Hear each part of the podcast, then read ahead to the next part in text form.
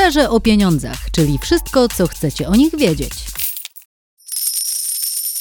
Ernest Bodziuk, dzień dobry, witam w kolejnym odcinku naszych podcastów. W studiu gość Paweł Wójcik, członek zarządu Votum Robin Lawyers. Dzień dobry. Dzień dobry, panie redaktorze. A to oznacza, że porozmawiamy o frankach szwajcarskich, a w zasadzie o tym, co wydarzyło się w tej kwestii poza granicami naszego kraju, bo mam na myśli wyrok Trybunału Sprawiedliwości Unii Europejskiej. Jakie znaczenie tych polskich sprawach ma decyzja TSUE? Niewątpliwie wyrok, który zapadł 3 października 2019 roku, jest e, momentem przełomowym e, w walce kredytów frankowych, kredytobiorców frankowych z bankami. Do tej pory nie było takiego orzeczenia rangi właśnie wyroku Trybunału Sprawiedliwości Unii Europejskiej, na który każdy frankowicz, który uzna, że powinien zakwestionować te zapisy, które ma w umowie, może się w swojej sprawie na nie powołać. No dobrze, ale skąd wziął się ten wyrok? No bo przecież, czy nagle Trybunał Sprawiedliwości stwierdził, że zajmie się sprawą i wydał wyrok w tej kwestii, czy to jakoś inaczej wyglądało? Trybunał wypowiedział się w sprawie państwa e, dziubaków, którzy posiadają kredyt zaciągnięty w Raiffeisen e, International AG. E, I ten wyrok pojawił się dlatego, że sąd polski, który tą sprawę rozstrzygał, który otrzymał pozew ze strony powodów, w trakcie postępowania uznał, że są pewne kwestie, które są niejednolicie ujmowane w orzecznictwie i dobrze byłoby, gdyby Trybunał wypowiedział się, jak należy interpretować te kwestie, żeby one były zgodne z dyrektywą unijną. Czyli mówiąc wprost, państwo dziubakowie poszli do naszego sądu, do polskiego sądu. Sąd zaczął rozpatrywać tę sprawę, ale stwierdził, że chciałby mieć pewne wytyczne płynące z Trybunału.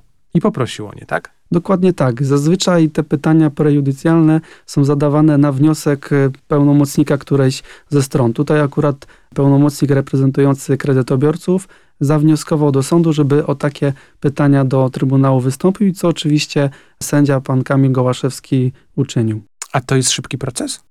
To jest proces, który musi trochę potrwać. On nie jest ujęty w jakieś ramy czasowe, natomiast musimy pamiętać o tym, że to nie jest jakaś kolejna instancja w ramach tego e, postępowania.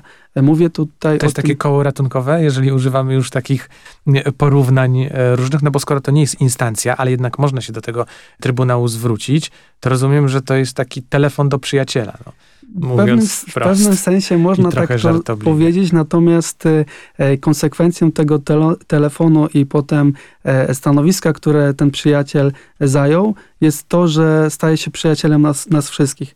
Dlaczego? Dlatego, że ten wyrok, który zapadł przed CUE w październiku, co prawda był wydawany w tej konkretnej sprawie, Natomiast on ma za zadanie być taką wskazówką dla wszystkich sędziów, które z podobnymi sprawami mierzą się e, w swoich sądach. Więc z jednej strony on dotyczył konkretnej sprawy państwa dziubaków, natomiast e, każdy Frankowicz, który dochodzi swoich roszczeń, może powołać się na te tezy, które pojawiły się w tym wyroku. A ten wyrok jakoś wpłynął na decyzję polskich sądów, czy na e, sposób postępowania, ewentualnie, nie wiem, przyspieszenie spraw? Na pewno tak i my mm, odnotowujemy to we własnych postępowaniach. To znaczy wyrok CUE był na tyle istotnym wydarzeniem, że ciężko przejść koło niego obojętnie. I to widać y, chociażby w uzasadnieniach e, naszych wyroków, gdzie sędziowie wprost wskazują e, i powołują się na tezy tego wyroku, że rozstrzygnęli sprawę w taki sposób, ponieważ obliguje ich do tego wyrok CUE, który dał konkretne wytyczne, jak należy postępować ze sprawami frankowymi. No dobrze, a co się stało ze sprawą od której wszystko się zaczęło, czyli sprawą państwa dziubaków? Sprawa państwa dziubaków zakończyła się 3 stycznia tego roku unieważnieniem ich umowy kredytowej. Wyrok nie jest prawomocny i czekamy z pewnością na, na apelację ze strony banku. Mhm, czyli w pierwszej instancji pozytywnie. Zobaczymy, co będzie w kolejnych instancjach. A ja zastanawiam mnie jeszcze jedno, jedna rzecz, no bo to jest głośna sprawa. I, i wyrok TSUE jest y, głośnym tematem. Wiemy, że to w pewien sposób wpłynęło na postępowanie polskich sądów, a czy to wpłynęło także na zachowanie frankowiczów, tych, którzy mają kredyty we frankach, czy, czy taki wyrok, czy taka głośna sprawa ośmiela innych do tego, by próbować rozwiązać tę kwestię?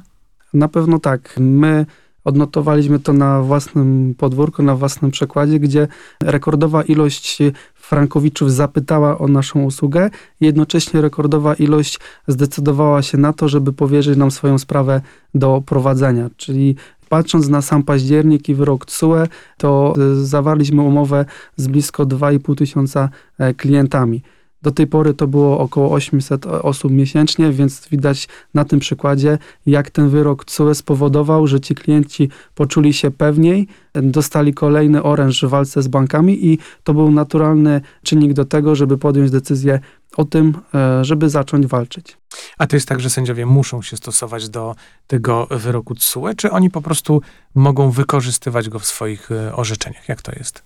No jeśli sędziowie chcą orzekać zgodnie z prawem unijnym, a takie zadanie ma Trybunał Sprawiedliwości Unii Europejskiej, żeby prawo krajowe było zgodne z dyrektywami unijnymi i to uczynił właśnie Trybunał w tym wyroku z 3 października. Więc jeśli dany sędzia bez względu na lokalizację i sąd, której e, rozstrzyga, chce rozstrzygać te sprawy zgodnie z prawem unijnym, to powinien stosować się do test, które zapadły w wyroku CUE. No dobrze, ale to jest tak, że w jednej sprawie TSUE orzekł, a z tego co wiem, pewnie będzie musiał orzekać w kolejnej sprawie, bo pojawiają się kolejne pytania sądów. Czy, czy to jest tak, a przynajmniej jednego sądu z Gdańska, jeśli dobrze tak, e, pamiętam. pytanie się pojawiły. Czy, czyli to jest tak, że skoro jeden sąd już w Polsce zapytał, to nie oznacza, że kolejny sąd nie może pytać?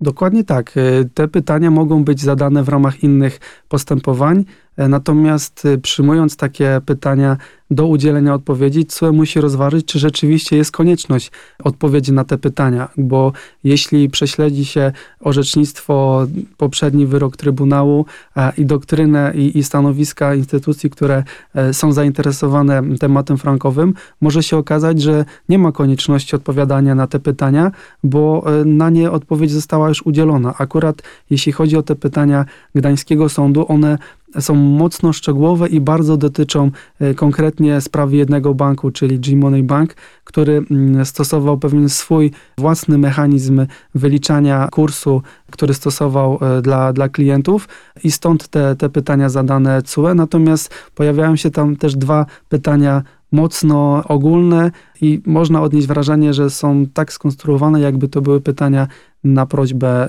samych banków. Czyli rozumiem, że może nie w tym, ale w innych przypadkach, czy w części tego przypadku, TSUE może powiedzieć, że proszę spojrzeć na wyrok wydany, czy decyzję wydaną ileś miesięcy wcześniej w sprawie państwa dziubaków, tak? Dokładnie tak. Może takiej y, odpowiedzi udzielić.